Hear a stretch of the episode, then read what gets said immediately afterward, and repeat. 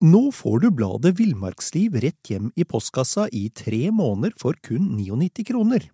I Villmarksliv kan du lese om norsk natur, ærlige tester av klær og utstyr, og mange gode turtips skrevet av erfarne friluftsfolk, fiskere og jegere. Send SMS VILL36 til 2205 og motta bladet allerede neste uke. Lev livet villere med bladet Villmarksliv. Planning for your next trip? Elevate your travel style with Quince. Quince has all the jet setting essentials you'll want for your next getaway, like European linen, premium luggage options, buttery soft Italian leather bags, and so much more. And is all priced at 50 to 80% less than similar brands. Plus, Quince only works with factories that use safe and ethical manufacturing practices. Pack your bags with high-quality essentials you'll be wearing for vacations to come with Quince. Go to quince.com slash pack for free shipping and 365-day returns.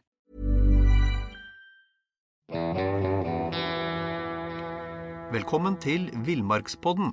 Jeg heter Knut Brevik og er redaktør i bladene Villmarksliv, Jakt og Alt om fiske. Og jeg heter Dag Kjelsås, var redaktør før deg, Knut. Og i likhet med deg veldig interessert i det meste av det som skjer ute i naturen. I dag skal vi snakke om eh, ville dyr, eller rettere sagt møte med ville dyr og fugler i norsk natur. Og et dyr som eh, mange, mange frykter å møte, mens også noen ønsker å møte det, det er, er bjørn. Ja, den står jo for oss som uh, veldig spesiell, både i gammel folketro og i, i det vi opplever i dag. Uh, ved at det er, heldigvis, vil jeg si, er en del bjørn uh, i norsk natur. Men det er ut, utrolig få som har møtt bjørnen. Ja, men det har du. Ja, jeg er så heldig at jeg har eh, Jeg interessert meg for bjørn, og jeg har eh, Jeg bygde faktisk hytte et sted fordi det var mye bjørn der. Eh, så, så jeg har jo da også som naturfotograf hatt interesse av å møte bjørn. Altså jeg har hatt en del bjørnemøter, og det har vært utrolig interessant. Ja. Og holdt jeg på å si, kan du Har det, har det vært uforvarende møter, eller har det vært møter du har oppsøkt? Begge deler. Ja. Og det mest spennende er jo å møte en bjørn i skauen når du, når du tror at du er på bærtur eller, eller gjør noe annet, ikke sant? Ja. Og, og da er reaksjonene hos Ja, for så vidt tidligere hos meg og, og hos folk generelt mange forskjellige. Noen blir så redde at de ikke vet hva de heter, og andre syns det er ålreit. Ja, for det er jo, det er jo i utgangspunktet selv om, selv om det er kjent som et, et godslig dyr, så er det jo også et fryktinngytende dyr. Med, med, voldsomme krefter. Det kan løpe opp mot 60 km i timen. Det vil i praksis si at hvis den prøver å løpe den, så har du ikke nubbesjans. Den klatrer. Altså, det er Man skal ha respekt for bjørn. Ja, altså hvis og jeg sier hvis en bjørn vil eh, ta oss, Ja. så klarer han det. Ja. Eh, Hvis han er iallfall halvvoksen eller voksen. Ja. Men, men heldigvis da så er det utrolig, utrolig sjelden at vi trenger å, tenke på bjørn som farlig. Bjørnen han ønsker ikke nærkontakt med oss. Nei. Og hvis alle mennesker i Norge som ferdes mye i naturen, visste hvor mange ganger de har vært observert av bjørn uten sjøl å vite det, Ja. så hadde de eh, begynt Kanskje noen hadde blitt redde, men, men det er ingen grunn til det. Nei, nei. Um, men, men la, oss, uh, la, la oss starte med de um, dramatiske episodene, holdt jeg på å si. Ikke dramatisk, men la oss starte med de situasjonene som kan være trøblete i forhold til bjørn. Ja, det er jo klassiske forhold som, som kan dukke opp heldigvis veldig sjelden. Men, men hvis man f.eks. kommer uforvarende og brått på en bjørn som en, og, og kanskje en hannbjørn som er litt mer eh, Litt større og ser litt farligere ut, og som kanskje også vil dominere i noen sammenhenger, og skremmer den ved et feltbytte, så er ikke det det lureste. Da er det, da er det veldig lurt å trekke seg fort unna. Og da kan vi oppleve at det blir en skremmende situasjon. Hvis vi kommer over så, noe som også skjer veldig sjelden, men som kan skje, at vi kommer mellom binna og små unger. Uh oh. Ja, da Det sier seg sjøl. Mor vil forsvare babyene sine. Ja. Eller hvis vi, som faktisk noen har gjort, ramler ned i et bjørnehi. Nettopp. Ja, fordi bjørn ligger ikke alltid i et hi som er gravd langt inne i bakken eller ligger, et steinhøl. Det hender at bjørnen har et hi med, så, som vi faktisk, i en maurtue f.eks., hvor vi faktisk kan ramle ned. Ja. Eller som en svenske gjorde en gang. Han drev og rydda i skogen med sånn ryddesag. ryddesag. Og så skulle han rydde kvistene som stakk ut fra et lite høl, og der bodde bjørnen. Nettopp. nettopp. I sånne situasjoner så er det klart Vi provoserer jo ekstremt. Ja. Og da kan resultatet bli at bjørnen i første omgang skremmer oss, eller i verste fall da angriper oss. Ja. Men før så eventuelt skjer, så, så har bjørnen en rekke måter å si fra på. Eh, eller eh, signalisere på. Ja, når det gjelder bjørneangrep, altså at bjørnen kommer løpende mot oss, Ja. så vil de aller fleste tilfellene være av en ganske uskyldig karakter. For bjørnen bare har en, en skremmerunde. Den løper mot oss, og så svinger den unna og løper vekk igjen. Nettopp. Og da har bjørnen sagt på en klar og tydelig måte «Eh, Jeg har ikke tenkt å ta deg, men Nei. du får pelle deg vekk. Trø meg ikke for nære. Nemlig. Ja. Og jeg kjenner folk som har hatt bjørneskremsler, eh, altså skremselsangrep fra bjørn, hvor bjørnen har løpt så nær at vedkommende ramla på ryggen. Fordi bjørnen svingte altså akkurat ved personen, så personen kom ut av balanse. Nettopp. Og det er klart, eh, hvis du ikke er tøff eller kjenner bjørnen veldig godt, så kan du bli i hvert fall redd. Jeg hadde blunka da. Men, men eh, jeg har også opplevd bjørn som kommer mot deg av andre grunner. Jeg opplevde en bjørn en gang som var nysgjerrig. Eh, Det var ikke noen gammel bjørn, det var en bjørn på kanskje 70 kilo, men hvis han ville, så kunne han jo klabba til meg så jeg hadde svimt av. Men den kom rett mot meg. Og så tenkte jeg at eh, ja, da kan jo jeg svinge unna, så du har fri passasje. Men da svingte han etter meg, og vinkla og kom etter meg, og kom på åtte skritt. Og da, da, da, da går pulsen litt opp, Dag. Du, Det høres kanskje ut som jeg enten er dum eller skryter, men jeg, jeg så så tydelig at den bjørnen ikke var sur. Ja. Han bøyde hodet ned, kikka litt på skakket opp mot meg, og bare var nysgjerrig, eller eh, Jeg kaller det nysgjerrig, da. Han syntes kanskje du var rar. Ja. og og jeg, eh, jeg visste heldigvis såpass om bjørn at jeg ga de samme tegna. Jeg bøyde meg ned litt og var litt sånn Jeg så vel antagelig litt redd eh, uskyldig ut. Og trakk meg sakte unna. Men jeg hadde vett nok, eller vett, det var kanskje litt uvettig, men jeg tok iallfall bilder, så jeg har bildebevis på at bjørnen kom da etter meg. Ja. Og så fikk han antagelig litt for mye av eh, menneskelukta, så da stakk han av. Akkurat. Akkurat. Men, men, men eh, det, det som er eh, viktig, det er at vi, vi skal vise bjørnen at vi ikke er konkurrenter, at vi ikke er angripere. Vi skal trekke oss sakte unna. Vi kan gjerne prate både før vi møter bjørn, og eventuelt når bjørnen har oppdaga oss. Men ikke skrike. Ikke, ikke skrike og være tøffe. Nei. Vi skal prate rolig og pent, sånn at bjørnen skjønner at der går det et eller annet uh, dyr som, som har sin låt, og som tydeligvis trekker seg unna, som ikke virker uh, sint eller, eller noe i den retningen. Og ikke løpe. Nei, jeg, du må gjerne kikke skrått mot bjørnen, bøye hodet litt ned og trekke deg sakte unna, sånn halvveis til sida, eller, eller rygge for den saks skyld.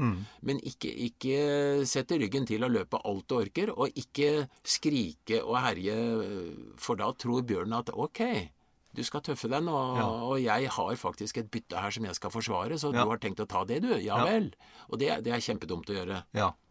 Ja, for, det, dette med løpet, det er vel, faren der er vel at du, du trigger jaktinstinktet. Det er nå én ting. Også, jeg har en gang sett en bjørn som har løpt for livet. Ja. Og det glemmer jeg aldri. Nei. For jeg klarte nesten ikke å følge med med huet for å se den kula som føk av gårde forbi meg. Og eksplosiv. Det er helt rått. Altså fra eh, du, Hvis du hadde stilt opp med en Porsche ved siden av, så tror jeg den hadde vært langt etter bjørnen. Ja, ja. Det er helt utrolig hvor fort bjørnen kommer opp i en hastighet som, som da nærmer seg 60 km i timen, som du sa. ja.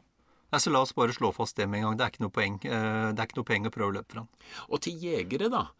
Hvis det kommer en bjørn løpende mot deg, så løper ikke bjørnen helt likt en elg, f.eks., som nesten løper eh, skal vi si, som ei, ei skyteskive jevnt og fint. Bjørn humper opp og ned. Og det å begynne å skyte på en bjørn som kommer løpende rett mot deg For det første, om du så treffer ganske godt, så vil bjørnen fortsette og mot deg, eh, selv om den har et hjerteskudd, så vil den fortsette å kunne drepe deg. Og da vil den være irritert. Skyt ikke før du er absolutt nødt. Ja, det er, det er jo viktig å det er viktig å understreke, og vi er jo jegere begge to, men for, for Guds skyld. Du skal være, du skal føle deg veldig veldig trua før du skyter på en bjørn. Ja, og nå, snakker jeg ikke minst eh, om haglskyttere, da, for det er ofte fuglejegere f.eks. som kan komme i en situasjon. Vi hadde en situasjon i Sverige for kort tid siden hvor, hvor det faktisk var en bjørn som angrep en kar. Og det er en helt spesiell historie, for han, han løp i sikksakk mellom eh, noen furuer og, og svingte seg rundt så bjørnen ikke klarte å ta den, og så stanga bjørnen i ei furu og brakk nakken. Men, men ikke tenk at det skjer om igjen, for det er et tilfelle av en million, liksom. Men, men øh, at bjørnen sånn angriper, det er veldig sjelden, og det er også sjelden at, han, at, han, eh, at du løper sikksakk mellom eh, furuer med bjørn etter deg. Så ja. Men, men bare, bare for å ta det, det er jo Vi skal jo snakke litt eh, etter hvert her om, om hvordan, man, eh, hvordan man kommer i nærheten av, av ville dyr. Men eh, når det gjelder jegere, vet du, vi som, som, som, som jakter, så vi beveger oss på en måte Vi går mot vind. Vi prøver å gå stille. Vi, vi bruker øynene. Vi har gjerne med oss hund. Altså, vi har jo alle mulige forutsetninger for å komme innpå innpå bjørn uten at bjørn merker oss. ja. Og Eh, I motsetning til vanlig turgåer. ja, og enda så er det utrolig sjelden at vi kommer over bjørn, og det det forteller ja. litt om hvor gode sanser bjørnen har. Ja, Men du ja. Mm. nevnte det med hund, og det er faktisk et, et punkt som er litt viktig. fordi hvis du går i bjørneområder med en hund som eh, ikke er redd bjørn, eller som er nysgjerrig, eller som er ung og ikke skjønner noe, Mm. Så ta for all del hunden i bånd. Mm. For hvis bjørnen fyker eh, får møte med en hund, og, og hunden er litt hissig og bjeffer og, og Tirrer den på seg? tirrer den, så kommer jo hunden til deg med bjørnen etter. Ja. Og da kan det være en farlig situasjon. Ja. Så, så det er viktig. Jeg har en gang gått med fuglehunden min i et område om våren på taksering av eh, rype.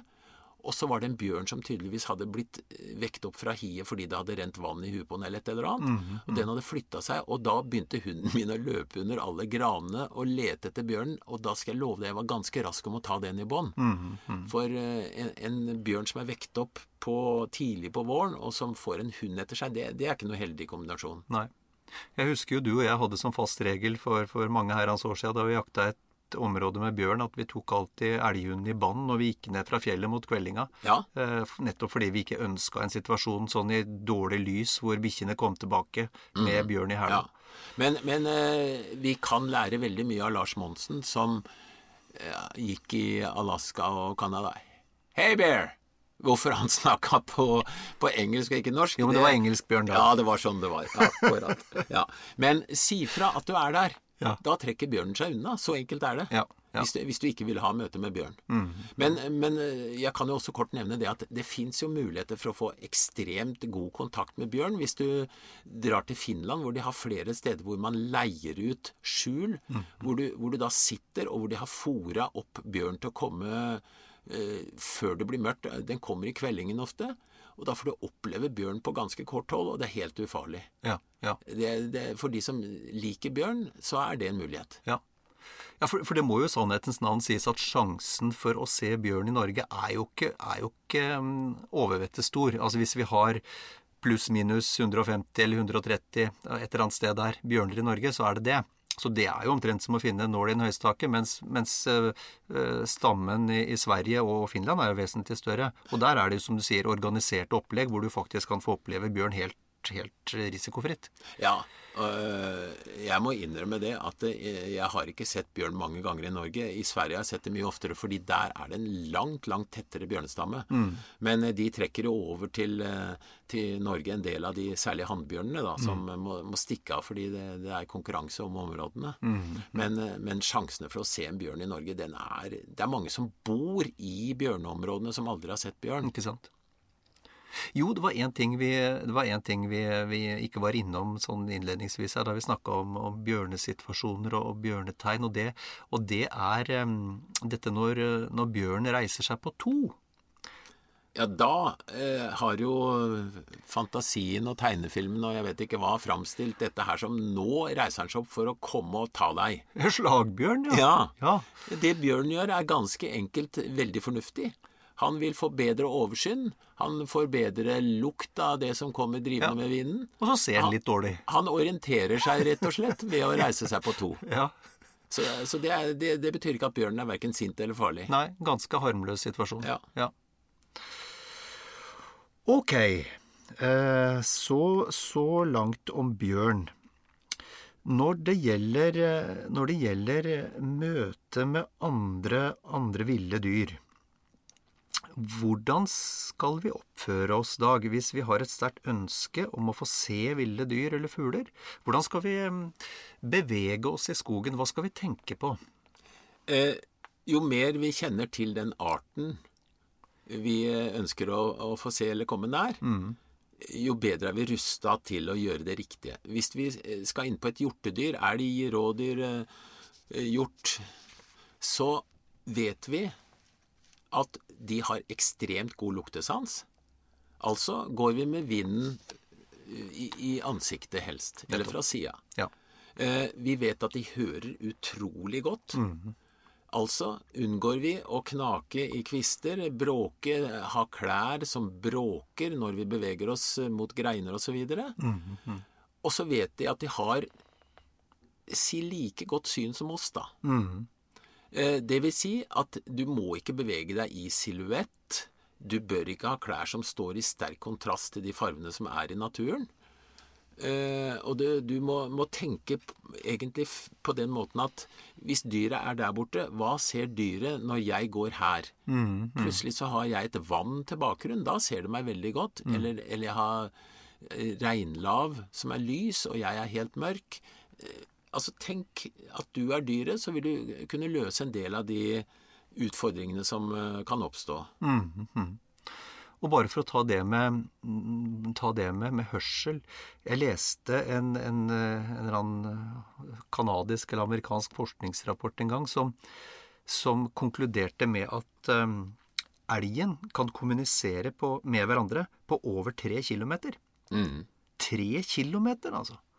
Og, og, og det er jo, blir jo forståelig når du ser øra til elgen. De er jo som to parabolantenner som kan nesten vris 360 grader. Ja, Hvis du sammenligner eh, hørselen eh, hos en elg da, med den hørselen vi har, så har jeg en huskeregel jeg har eh, lært meg. hvis jeg hører at jeg sjøl går, Nettopp. da vil elgen på 100 eller kanskje til og med 200 meter kunne høre det også. Mhm, mhm. Og det, det er helt utrolig hvor godt de hører. Og de har, som du sier, da, disse svære ørene som de kan eh, vinkle rundt og fange opp lyd med. Og hvis du ser på nesa til elgen Jeg har stor nese, men du har sett elgnesa. Den er mange ganger større. Ja, det slår deg i dag. Ja. Og der er det altså eh, organer som gjør at den kan lukte så til de grader mye, mye bedre enn det vi gjør. Men når det gjelder, når det gjelder hjortevilt, så, så er det min erfaring Og nå, nå er det jo ikke noe hyggelig kanskje å være ute i dårlig vær, men de ganger jeg har virkelig kommet tett innpå på i første rekke elg, da har det blåst veldig, veldig kraftig. Eh, For da blir på en måte sanseapparatet til elgen satt litt ut. Altså han, han mister kontrollen på omgivelsene, og da kan du komme fryktelig nært en elg, altså. Ja, Det vil du jo se hvis du studerer elgen, at han, han liker ikke vind. Nei. Da har han øra bakover og ser ordentlig Han har mistrivsel, rett og slett, fordi han veit at rovdyret, som jo eh, disse dyra skal forsvare seg mot sånn eh, fra eh, Det ligger i genene, ikke sant? Mm. De føler at rovdyra har fortrinn. Ja. Fordi det bråker fælt i skogen av vinden, og da er det jo umulig å høre at noen er i ferd med å snike seg innpå. Så, så det for, for mennesker som vil ut og oppleve ville dyr, så er i hvert fall det noe du kan ha i mente. At er det veldig dårlig vær, mye vind, så øker det dine sjanser til å få se et vilt dyr. Ja, eh, og så skal vi huske på en ting, at du kan også som eh, menneske på en måte benytte deg av at det er spesielle lyder i, i skogen. Eh, Jeg husker en gang jeg skulle lure meg inn på en eh, reinsbukk som sto bak en stein. Og det var helt umulig å gå lydløst fordi det knasa i, i regnlaven. Det var veldig tørt. Eh, men det var altså vind som lagde noen lyder. Og så tenkte jeg jeg lager en jevn knaselyd. Jeg hadde hele tida støvlene i ferd med å knuse eh, lav. Når den ene var nesten nede, så begynte jeg med den andre ene tuppen var nede, så begynte jeg med den andre hælen. Og så ble det en sånn lang suselyd. Og jeg ljuger ikke når jeg sier at jeg kom så nær den at jeg klarte ikke å skarpstille med teleobjektivet. Og det, det vil si jeg var på fire meter eller noe sånt når den sto bak den steinen. Og den hadde hørt meg hele tida, men det var en jevn lyd. Eh, jevne lyder, eh, det kan være Tenk deg å gå i en bekk, f.eks. Der er lyden eh, Det slår mot steiner, det suser litt osv. Hvis du går forsiktig uten å plaske veldig brått, så kan du benytte deg av bekken på, til å komme innpå dyra, fordi det er låt fra bekken hele tida. Og akkurat det du sier der med jevn bevegelse, det er, det er ganske interessant når det gjelder hjortevilt. Fordi em, de, ser, eh, de ser brukbart i, i dårlig lys. Eh, De opplever verden i, i grønn-blå farger, sannsynligvis. De har ikke spesielt godt dybdesyn, så vidt jeg har, eh, har lest meg til. Men det de reagerer på, det er kontrast og bevegelse. Og hvis bevegelsen din er sakte nok, som du er inne på nå, så kan du strengt tatt bevege deg over et helt åpent område hvis, bare bevegelse, hvis du bare gjør det sakte nok. Hvis, hvis du flytter deg ti meter på en, på en halvtime, så kan du strengt tatt bevege deg over et helt åpent område. Hvis det ligger en reinflokk på vi- flate vidda, og det er helt umulig å komme innpå, så kan du bøye deg ned, og så kan du gå sakte, sakte trippende absolutt rett mot dyra. Da skjønner ikke de at den steinen blir større og større veldig sakte. Hvis du beveger deg brått fra side til side, da ser de det med en gang. Men Gå sakte rett imot uten å huske opp og ned, så kan du faktisk eh, klare det. Så det er en del sånne knep vi kan bruke, hvor dyra da ikke helt har de eh, muligheten via sansene sine til å skjønne at eh, en fiende, som vi da er, Ja. er i ferd med å bevege seg mot dem. Og det er jo kjempeviktig det du sier der, når du skal nærme deg dyr. Hvis du skal eh, nærmest mulig optimere mulighetene for å komme tett innpå, så gå så vinkelrett som mulig på, og ikke noen sidebevegelser. For det er, da, bevege, da, da ser de bevegelsen. Hvis du skal bevege deg sideveis, som du av og til må gjøre pga. terrenget fordi du kommer ut i et åpent område hvor det er umulig å, å ikke å bli sett, så finn en bakke, en kolle, et, en dal, bruk terrenget, og så huker du deg ned eventuelt. Og noen ganger så må du åle. Altså Det vi lærte i militæret, vi som har vært ute der, vi, vi får litt nytte av åling og sånne egentlig litt gufne måter å komme fram på, men veldig nyttig hvis vi skal inn på dyr. Men bruk terrenget, og så kan du da gå helt oppreist hvis du er gjemt bak en kolle, ikke sant? Og så må du da Kommer du kanskje et sted hvor det er, står et tre mellom deg og dyret, så kan du benytte det treet, gå rett imot det treet, og så vil ikke dyret skjønne at den stammen kanskje blir litt tjukkere og tjukkere. Så, så det er, tenk fra dyrets side igjen. Hva oppfatter dyret? Jo, det ser en stamme der, og det vil ikke så lett kunne skjønne at den blir litt tjukkere, fordi du er i ferd med å gå rett mot. Og så må vi snakke litt om tidspunkter. Uh, og folk flest liker jo ikke å stå tidlig opp om morgenen, men, uh, men det er noe med tidene vi skal være ute her også, Dag, hvis vi skal optimere mulighetene for å, for å se ville dyr. Ja, og, og det er jo ganske enkelt sånn at et dyr som ligger og hviler og observerer, er jo utrolig mye vanskeligere å komme innpå enn et som f.eks. går og beiter og spiser. Og jeg bruker ofte den eh, teknikken at når dyret sjøl lager lyd eller gjør noe, og da bortsett fra å lytte eller, eller kikke, så kan du også i større grad gjøre noe uten at du blir oppdaga. Så, så observere dyret hele tida og benytte sånne muligheter.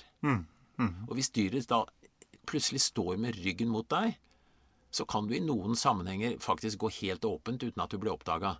Men vær klar over det at beitende dyr de, de beiter, og plutselig reiser de seg opp. Og da, da skal du være rask med å stivne hvis du skal unngå at de ser bevegelsen. Og, og holdt jeg på å si både spesielt eh, rådyr, men også, også reinsdyr har det jo, men det med spesielt rådyr.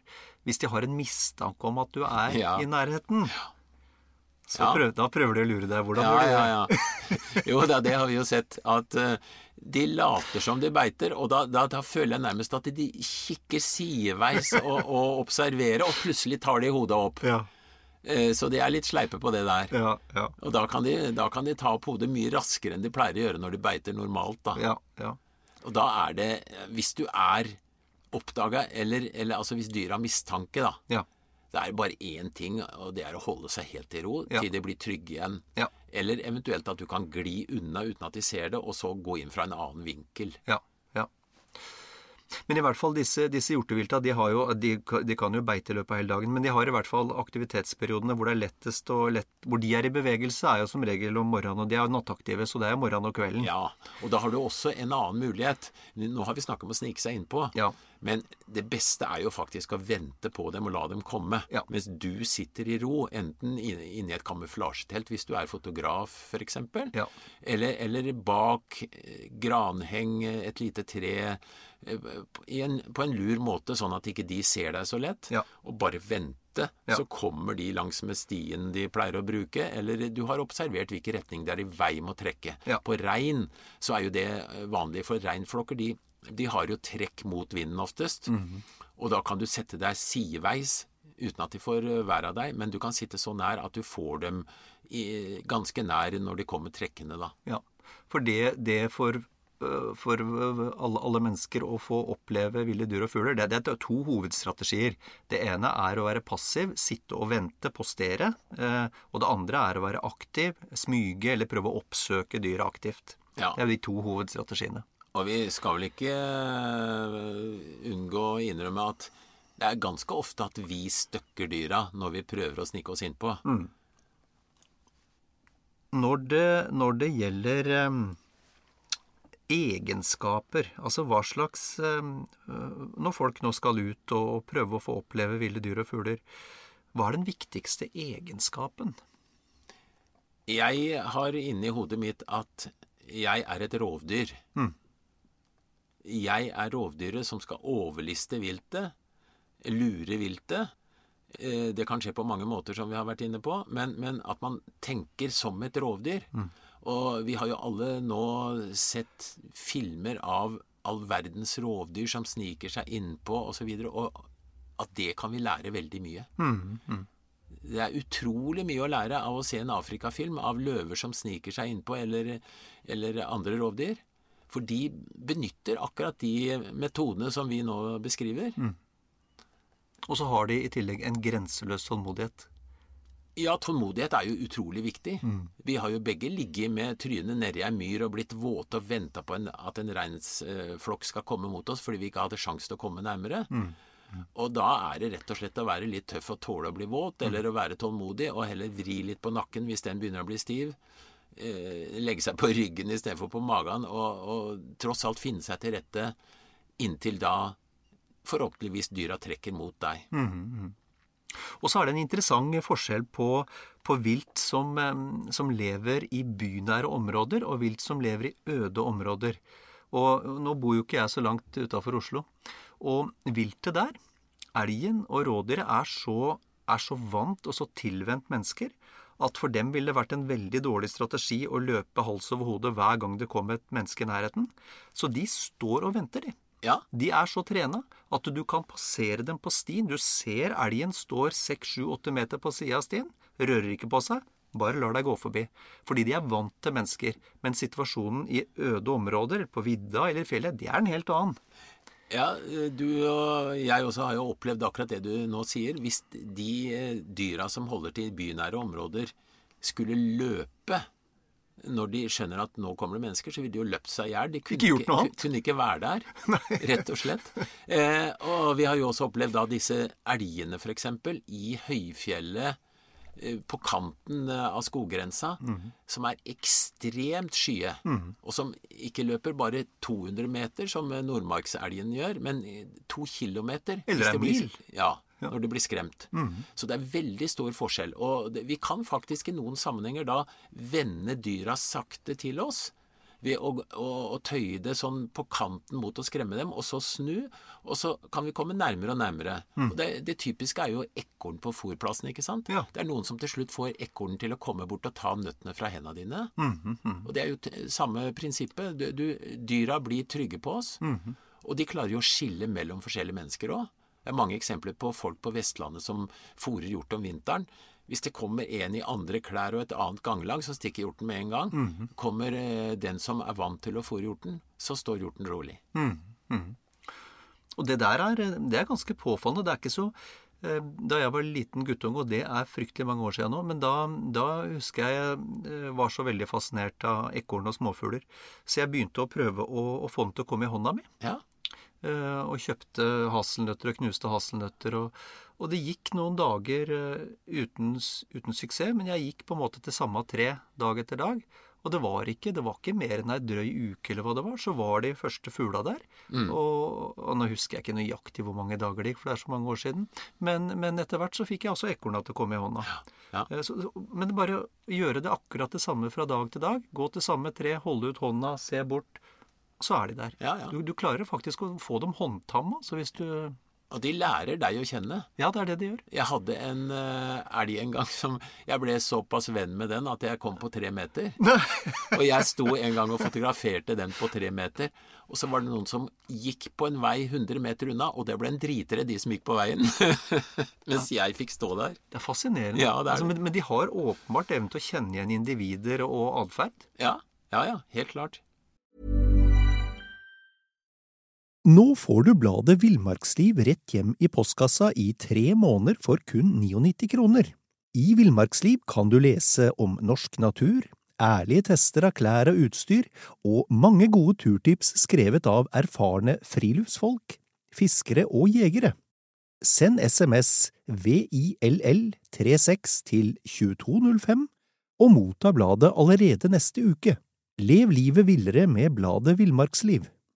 Even on a budget, quality is non-negotiable. That's why Quince is the place to score high-end essentials at 50 to 80% less than similar brands. Get your hands on buttery soft cashmere sweaters from just 60 bucks, Italian leather jackets, and so much more. And the best part about Quince, they exclusively partner with factories committed to safe, ethical, and responsible manufacturing. Elevate your style without the elevated price tag with Quince. Go to quince.com slash upgrade for free shipping and 365-day returns.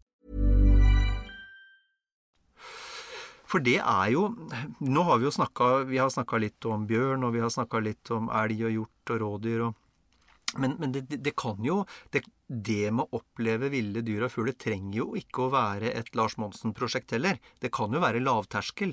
Du har, har fuglebrett, og du har, du har jo vilt de, de, fleste som Hvis du ikke bor midt inne i tetteste Oslo, og selv der er det jo vilt, men, eh, men så har du jo vilt i nabolaget. De aller fleste kan jo oppleve ville dyr uten å ha store forutsetninger og, og uten å være spesielt interessert i Enten enten en naturfoto eller fugleobservasjon eller hva som helst. Og vi har jo hjelpemidler som kikkert, som ikke minst er eh, med på å, å så, så, vi kan se de på litt avstand, og da mm. kanskje gå litt nærmere. Mm. Eh, men det gjelder å være litt forsiktig, ikke tro at du bare kan gå rett bort til. Mm. Det er litt typisk med elg, f.eks. Hvis det står en elg ikke langt unna en vei, så kan bilene stoppe. Og folk observerer. Mm. Så er det en luring som skal gå ut av bilen da, for liksom å, å se bedre av en eller annen grunn. Ja. Da løper elgen med en gang. Nettopp. Hvis du kjenner til en del sånne ting, så, så kan du faktisk fra bilen ha eh, mange muligheter til å observere, og det er en god kamuflasje. Mm. Uten at vi skal oppfordre folk til å kjøre rundt med, med bil og leite etter dyr hele tida. Men hvis vi tilfeldig får se dyr, parkere på en sikker måte og sitte inne i bilen og observere. Mm. Mm.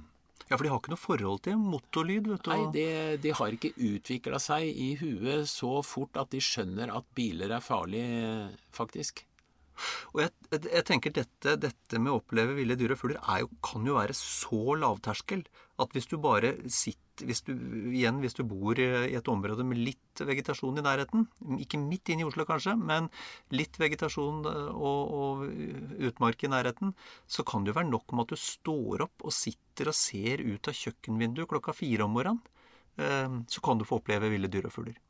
Ja, det er, eh, som du sier, opp om morgenen. Det er jo det viktige her. Fordi livet i skogen og fjellet og på sjøen og, og hvor den ene er i naturen, det er jo på sitt eh, beste og mest interessante akkurat i grålysninga og litt framover. Da er eh, de store dyra ute og beiter og skal trekke tilbake til skogen. Da er fuglene sultne og har stått opp og både synger og finner mat osv. Jeg holdt på å si eh, noe vi ikke har snakka om. Det er, det er hvordan man eventuelt kan eh, lokke dyra til deg. Og da tenker jeg både ved hjelp av fòring og, og, og lyder. Ja, det er jo en eh, Kall det en sleip metode. Fordi for dyra så er mye av livet det er kampen for føde. Så vi kan legge ut fôr til fugler selvfølgelig på brett, som veldig mange gjør. Hva skal vi bruke der, Dag? Hva slags fôr er det vi Ja, det skal ikke være salt. Og eh, i dag får du jo kjøpt eh, fôrblandinger som inneholder særlig nøtter, som er veldig bra for eh, mange fugler. Eh, Kornneke er en tradisjon som også kan være grei, og, og som trekker litt gulspurv og dompap, kanskje. Men, men eh, vi kan faktisk kjøpe ganske rimelige blandinger av forskjellig fôr, og vi kan bruke fett som gir veldig mye energi til de fuglene som da spiser det. Da, da får vi hakkespetter og meiser osv. Og, Ja. og kornprodukter da til finker og den typen fugler. Og, og, og holdt jeg på å si for de som, for de som eh, fôrer rådyr. Ja, jeg har fôra masse rådyr med gulrøtter, eh, epler. Eh, du kan tørke brød, helst ikke, ikke sånn ferskt, vått brød, men, men hvis du tørker brød, så er det best for rådyrmagen. Mm. Og du får også kjøpt eh, faktisk eh, fôr som er spesielt for rådyr, sånn kornavrens eller, eller eh, en type kraftfôr som er greit for rådyra. Mm. Mm. Men man skal være litt forsiktig med å hive alt mulig rart ut til dyra, for det er ikke alt de tåler. Og utsulta dyr skal heller ikke ha veldig mye brå tilgang til mat, og Nei. det kan føre til at de faktisk kall det spiser seg i hjel. Ja, ja. Og gitt selvfølgelig at det er, at det er eh, tillatt å legge ut noe, da. Ja, ja. Det er, vi har jo restriksjoner i forhold til det også, så man, man skal Undersøke med- undersøke det. Med Ja. kommunen sin. Ja. Ja. Jo, én ting, det må jeg for egen eh, regning legge til. Eh, Jeg ser at mange der jeg bor, er fryktelig glad i, glad i, i pinnsvin. Så de setter ut melk til pinnsvinet. ja og det, det er en gammel tro at det, er bra, men Ja. det, det er nå ikke så bra, da. Nei, for pinnsvinet er jo laktoseintolerant, så den får jo diaré når den drikker melk. Eh, Så ikke, ikke sett ut melk til pinnsvinet. Det må vi Det må vi kunne oppfordre om. Ja. Ehm, greit. I forhold til, ehm, i forhold til lokkingdag. Fugler. ja, det er jo så enkelt som at vi kan plystre tonene til fuglene, og noen ganger få dem til å komme. Ja. Et enkelt eh, eksempel er dompapen. De fleste klarer å plystre som en dompap.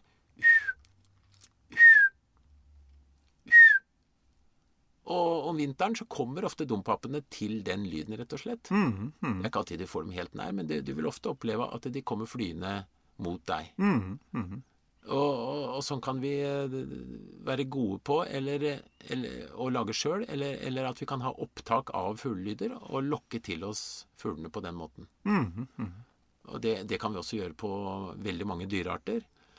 Rovdyr kan vi lokke ved å etterligne et skadd dyr, eller kanskje lage musepip f.eks. til reven, som er veldig populært nå blant en del jegere. Og det, det klarer vi uten hjelpemidler, eller vi kan kjøpe fløyter eller lokker som, som det er, og, er ganske bra, og, og, og som du kjøper i en sportsbutikk, faktisk. ja, Spesielt ungrevene kommer jo på nær sagt enhver slags lyd. Men, men hvordan, vil du lage, hvordan vil du lage en muselyd, Dag, uten hjelp av eh, lokkemidler? Du, da kan du trekke inn luft mellom tenna. Og det må gjerne høres ut som en hel museflokk som mm. holder på. Og det du skal være klar hvis du gjør sånne ting, det er at reven f.eks. den lokaliserer deg nøyaktig Så det nytter ikke å sitte og virre med hodet etter at du har gjort dette her, for da skjønner reven at uh, du er der. Så du må forberede deg og sitte klar med kamera f.eks. For på forhånd, og så kan du lokke. Spennende. Jeg tenkte litt eh, Jo, for en del arter som vi har snakka litt om, så de er, jo, de er jo store, ikke nødvendigvis farlige, men, men, det er klart, en elg veier jo noen hundre kilo. Hvor nært er det forsvarlig å komme en elg? Der er det mange som har bomma, og jeg har sett det på video f.eks. At folk tenker at en elg som står der, den elgen er liksom ikke noe rovdyr, den er ikke så farlig. Nei. Eh, men det er eh, noen kjennetegn som mm. forteller at elgen begynner å få nok av deg. Mm. Hvis en elg legger på øra, legger øra bakover, mm da bør du stikke av med en gang. Ikke nødvendigvis løpe, men iallfall trekke deg vekk. Mm, mm. Eh, for øvrig, når det gjelder elg, så er det lurt å være i nærheten av et tre. Den har fire bein som skal plasseres rundt et tre hvis han kommer etter deg. Du har bare to, så du kan klare faktisk å holde elgen på avstand ved å gjemme deg bak et tre. Mm, eh, og klatre opp kan du også gjøre, men da kan du bli sittende en stund, da.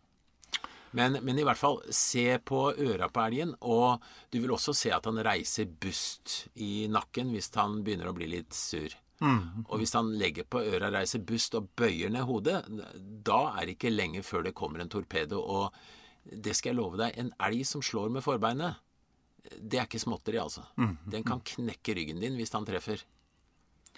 De kommer raskt jeg hadde en gang, jeg hadde en gang den tvilsomme, tvilsomme, æren av å klippe fri en elg som hadde surra seg inn i noe tauverk.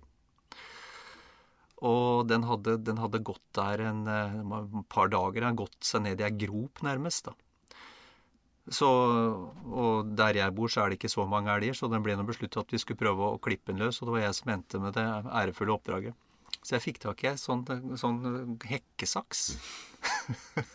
og, tok, og tok bit for bit. Og jeg skjønte det kom til å smelle. Hvor mange blåmerker hadde du før du fikk klippet den fri? Nei, det, det, gikk ganske greit, skjønner du, for han var fiksert. Han, oh, ja. han, han hadde bare en halvmeter å bevege huet på. Okay. Um, men, men, det var jo så Det var lina til en sånn Til en, et, et skivestativ som noen skiskyttere hadde brukt dette her. Aha. så han har fått sura, sura seg ordentlig inn, i hvert fall. Det var mye å klippe. Og siste, siste tråden, da var det bare den ene tråden det sto i. Da tenkte jeg at uh, nå skal du passe på. Så jeg gikk så langt tilbake jeg kunne. Klippa snora og heiv meg bakover. Og han kom som et prosjektil. Og jeg, det var en okse. Det var en firetagers okse. Ja. Og jeg merka han strøyk langs magen. Oi. Så de er kjappe, altså. Ja, det er du. Du, du kan iallfall glemme å løpe fra en elg. Ja, det gjør du ikke. Ja.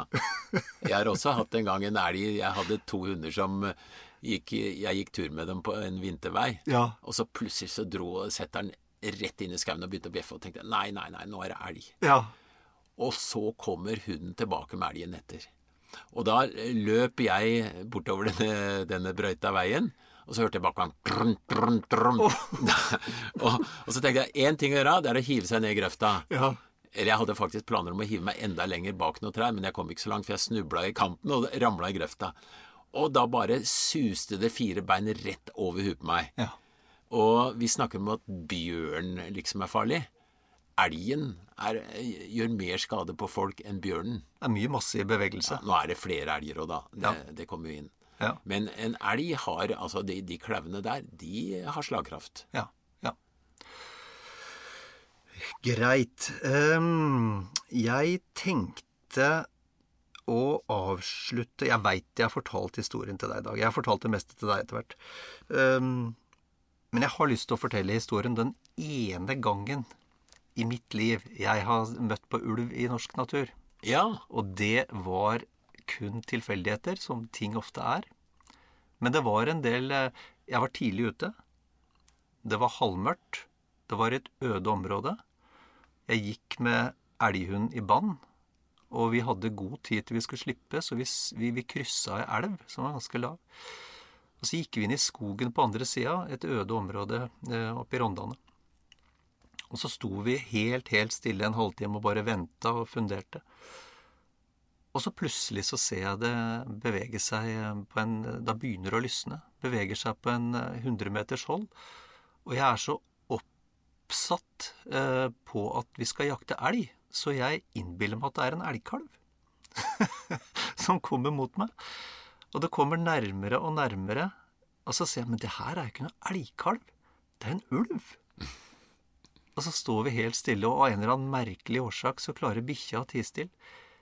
Det er helt til ulven, og der er ulvetispe, ganske svær ulvetispe. Helt til, helt til du er på tolv meters skritt, for jeg skritter opp etterpå. Og det, det var spennende nok, men det, det, som fascinerte meg med den situasjonen For da begynte bikkja å skrike, eller å, å lose. Mm. Det var reaksjon til ulven, som altså kommer og aner fred og ingen fare, og plutselig er da i umiddelbar nærhet av en fiende. Den hadde fullstendig kontroll. Den stoppa rolig opp, så på oss, konstaterte hva vi var. Uten, uten et snev av frykt, bare snudde i sine egne fotspor og forsvant opp i fjellet igjen. Det var en fascinerende opplevelse, altså. Et dyr med så kontroll over omgivelsene. Ja, ulven er Jeg er også så heldig å ha møtt ulv i norsk natur, og det er helt utrolig Uansett hva vi mener om ulv, så mm. er det utrolig stort å oppleve. Ja. Så da tenker jeg eh, det er eh, Vilttettheten i Norge er ikke veldig høy, men det er mye vilt der ute. Det er ville dyr, det er ville fugler. Og alle kan, hvis de vil, eh, eller de fleste kan hvis de vil, oppleve det. Man må bare ut. Man må forberede seg litt. Og så er det noen grunnleggende ting som vi har snakka om eh, i løpet av de siste tre kvartera, som må være på plass. Men alle kan få oppleve ville, ville dyr og fugler i norsk natur. Da må vi bare ønske folk lykke til, og de skal huske på én ting. Det er mye, mye tryggere å gå ut og oppleve ville dyr enn å gå langs gater eller kjøre bil. Bra poeng. Kort og godt, grav deg ned i tide. Dag, hva, hva, legger vi egentlig i det? Ja, vi snakker om uh, å grave seg ned i snøen, da. Ja. Og vi snakker om vinterforhold. Uh, og vi snakker om en situasjon hvor du da er, har gått deg bort, det blir dårlig vær, eller hvor du faktisk er i en snart kanskje nødsituasjon. Ja. For jeg sier snart med vilje, fordi det, det er litt seint å grave seg ned når du er utslitt, kliss våt, og har eh, egentlig eh, ikke mye krefter til å finne en bra plass kanskje å grave den ned. Nei. Gjør det før de, eh, det oppstår. Og veldig ofte så tar man jo for gitt at folk har med seg en spade, og, og som regel har jo det når de, når de, ferdes i fjellet. Men hva hvis vi ikke har med oss en spade, da? Da tenker vi alternativt. Vi kan bruke skiene. Ja. Skjære snø med skiene og få til det. Eller vi kan bruke en kniv. Eller vi kan bruke steikepanna hvis vi ikke har noe annet. Uh, altså, finn en løsning. Ikke uh, bruk fingrene før det er nødvendig, for da vil du uh, få sår og, og, fryse veldig etter kort tid. Ja. Men har du solide votter, så kan du også bruke hendene til slutt. Og hvordan gjør vi det når vi skal grave oss ned og lage ei hule? Da må vi se på forholdene. Hvis det er en, en sikker eh, liten fond som ikke kan rase ut, f.eks., så er det bare å grave seg rett inn. Få ut snøen og komme seg inn i ly. Og få det varmere enn det er ute, og få, det, få mindre vind. Nettopp. Ja, for det, det, er jo et poeng her at eh, snøen isolerer. Snøen isolerer så godt den, at inni en snøhule så er det rundt null grader. Ja. Og hvor stor bør denne hula være, da? Ja, hvis du har tid og muligheter og ressurser, så lager du den så stor at du kan ligge der. Ja. Forutsatt at du har noe greit å ligge på. Ja. Men det holder også å lage rett og slett et, en snøstol, et sete hvor du kan sitte i ly. Det er utrolig mye bedre enn å stå ute eller gå ute og etter hvert i verste fall fryse i hjel. Ja. ja, for det er jo det vi snakker om her. Det er jo, det er jo en, en, en mulig nødsituasjon. Og, og, og, da tenker jeg da, da kan vi ikke være prippende med tanke på at vi ikke får strekt oss. Da er det egentlig bare å komme inn og, og slippe vind og kulde. Ja, eh, og det kan også være en situasjon hvor det faktisk er sånt kav eller så fæl tåke at du vet at det er stup i nærheten som du kan ramle utfor. Da er det bedre å sitte i ro og vente på litt bedre vær. Nettopp. Dette med kuldegrop, hvordan fungerer det? Ja, det er så enkelt som at eh, kald luft går ned og varm luft går opp. Så hvis du lager en snøhule og har tid, så lager du en eh, kanal, kan du si, nederst eh, mot ei kuldegrop, hvor da den kaldeste lufta samler seg. Akkurat. Og hvor stor forskjell kan det være på temperaturen nede i kuldegropa og oppunder taket? Det kommer an på hvor åpent det er og hvor kaldt det er ute, men det kan jo være ti grader forskjell i noen tilfeller. Og for eksempel. såpass, ja. og, og det betyr jo at du fryser eller ikke fryser på beina, f.eks. Ja, definitivt. Dette med luftehull, er det viktig? Ja, hvis du lager en hule som er tett, så kan du faktisk omkomme i verste fall. Eh, hvis det fokker fælt og sånn, så må du lage et høl som du får luft inn av. Og det, man kombinerer det av og til med å stikke en stav ut, og så bare tar man og beveger på den staven, sånn at man holder det hølet åpent så lenge man er våken da. Men hvis man skal sove, så må man lage en åpning så, som gir luft. Men det luftehølet, hvor, skal det, hvor i hula skal det være? Det er vanligvis da ved inngangen. Fordi du har en blokk som du legger foran der, og som dekker en del av det hølet. Ja, Så ikke opp i taket, men ved, ved inngangen, altså ut mot uh... Nei, for da, da slipper du den varme lufta ut, og du vil jo gjerne ja, Varm og varm, iallfall. Ja. Ja. Så, så den er gjerne eh, lavt nede, eller i, i lav høyde på hula, da. Ja. Dette var, eh, dette var eh, gode råd, Dag. Da, da veit vi det grunnleggende om å grave oss ned litt i det. Ja, Men vi skal heller ikke glemme det. Hvis du ikke får lagd snøhule eller noen ting, så lag rett og slett deg grop i snøen og legg deg der, for det er mye bedre enn å stå oppreist og få vind på seg. Alt er bedre enn ingenting. Ja. Nå får du bladet Villmarksliv rett hjem i postkassa i tre måneder for kun 99 kroner. I Villmarksliv kan du lese om norsk natur, ærlige tester av klær og utstyr, og mange gode turtips skrevet av erfarne friluftsfolk, fiskere og jegere. Send SMS VILL36 til 2205 og motta bladet allerede neste uke. Lev livet villere med bladet Villmarksliv. Hi, I'm Daniel, founder of Pretty Litter. Did you know cats tend to hide symptoms of sickness and pain? I learned this the hard way after losing my cat, Gingy. So I created Pretty Litter, a health monitoring litter that helps detect early signs of illness by changing colors, saving you money and potentially your cat's life. Pretty Litter is veterinarian developed, and it's the easiest way to keep tabs on your fur baby's health right at home. Go to prettylitter.com and use code ACAST for 20% off your first order and a free cat toy. Terms and conditions apply. See site for details.